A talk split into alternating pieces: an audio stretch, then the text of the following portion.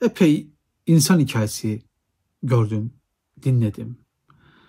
Ee, geçmişte işte adı sonu bilinen yazarı, çizeri, bilim adamı, komutanı, filozofu vesaire hepsine az çok bakmaya çalıştım. En azından belli başlarını az çok bilirim. Ancak bunların bazıları gerçekten şansları yaver gitmiş insanlar. Bazıları çok iradeli olduğu için bir yere. Bazıları da gerçekten çok zeki. Yani e, o dahi dediğimiz şey şu aslında. Yani dahi e, öngörülemez zeka gibi bir şey. Ben böyle anlatayım en azından. Dahi çok keskin zeka. Yani bir, bir zeka skalası düşünün.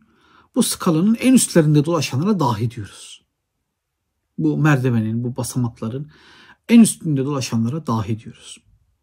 İşte Leonardo da Vinci bir dahi herhalde bunu çoğu insan kabul edebilir. Yani çok özel bir zeki olduğunu.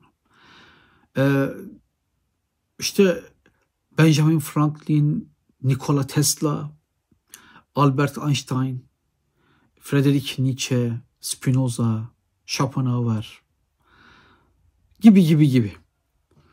Türk Edebiyatı'nda da benim dahi kapsamına alabileceğim e, kesinlikle alabileceğim iki kişi var. Biri Oğuz Atay. Bir dahi olduğunu düşünüyorum. Çok özel bir zeki olduğunu düşünüyorum. Mesela e, bir de Ahmet Hamdi Tanpınar. Belki e, bunların yanına yaptıklarının daha ziyade potansiyellerinden dolayı e, mesela İhsan Oktay Anar'ı az önce söylediğim belki belki Cemal Süreyya'yı e, yazabilirim. Örnek olarak söylüyorum. Şu anda aklıma en başta bunlar geldi ama Ahmet Hamdi Tanpınar'la Oğuz Atay size baştan söylerim. Belki de Cemil Meriç mesela. Bir, çok özel bir zeki olarak. Ama özellikle Ahmet Hamdi ile e, şey konusu, Oğuz Atay konusunda e, benim bir şüphem yok. Yani çok özel bir zeki olduklarına dair hiçbir şüphem yok. Şimdi diyeceksin ki diyeceksiniz ki ya tamam da niye anlattın şimdi bunu? Tam da bunu söyleyeceğim. Şimdi e, toplum vasattır. Toplum sıradandır. Bu sıradanların içinde daha zeki olanlar öne çıkar. Belki daha çok para kazanır, belki şöhretli olur, belki diğer insanları idare eder, e, iradesini onlar üzerinde kullanabilir. İşte komutanlar, devlet adamları gibi. Ama bu toplumun içindeki zeki insanları bir de bu çok özel zekalar var. Çok özel zekalar çıkıyor.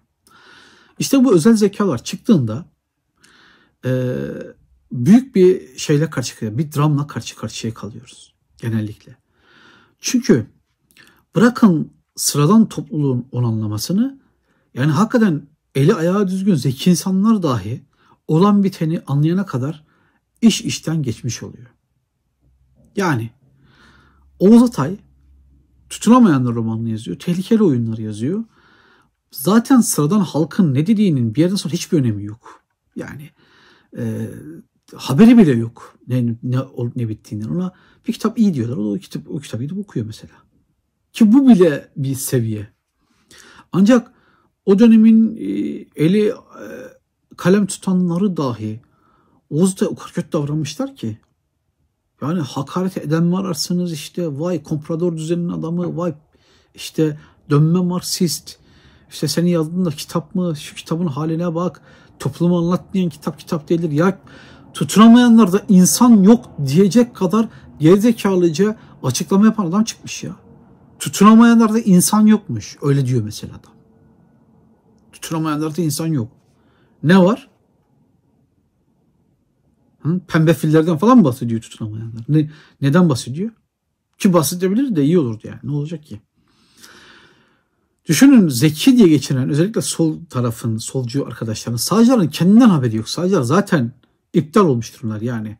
Hakikaten yerle yeksanlar yani. Birkaç tane egomanyak şairin arkasından gidiyorlar o dönem için. Ama soldaki böyle eli kalem tutan yok ben çok zekiyim, acayip derece zekiyim, önlenemez bir zekam var falan diyen solcu vatandaşlar, e, Marksist, sosyalist, Leninist bilmem ne ist arkadaşlar Oğuz'da etmeklerini bırakmamışlar. Ama ben bunu da anlıyorum. Bu bir şartlanmışlıktan da öte bu bir darlık, dar kafalılık. Ve ee, söyleyelim zekanın yetmeyişi. Çünkü o dönemin yazarları, çizerleri, akademisyenleri, aydınları, profesör bozuntuları, yazar bozuntuları, bilmem neleri, iyileri var, kötüleri var. Karşılarındaki mevzuyu anlayamamışlar. Öyle bir öyle bir bomba var ki ortada. Öyle bir şey yapılıyor ki, öyle bir şey oluyor ki haberleri yok. Anlamıyorlar.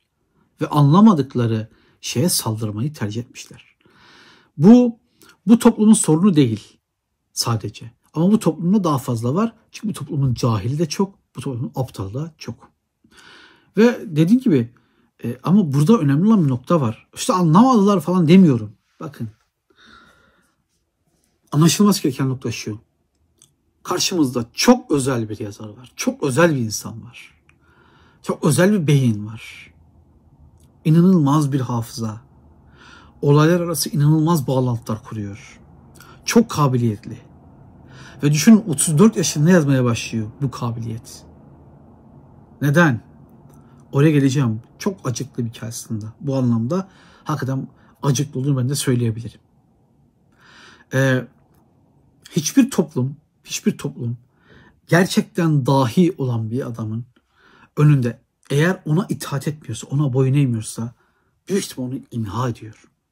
Eğer Oğuz Tay büyük bir komutan olsaydı, Mustafa Kemal gibi Mustafa Kemal öyle bir dahidir. Bir komutan olsaydı e, onun önünde boyun eğerdi insanlar, toplum. Toplum böyle bir şeydir. Ortası yok bunun. Ortası kendisi. Ya dahinin çok yeteneklinin önünde boyun eğiyor veyahut onu imha ediyor. Eğer o dahi e, kendini savunacak durumda değilse. Burayı anlamak lazım. Şimdi Oğuz Atay zeki, Oğuz Atay dürüst, Oğuz Atay çok okuyor ve zeki dediğimiz noktanın üzerine bir şey daha koyuyoruz. Bir e, barem daha koyuyoruz. Bir seviye daha atlıyoruz. Oğuz Atay bir dahi.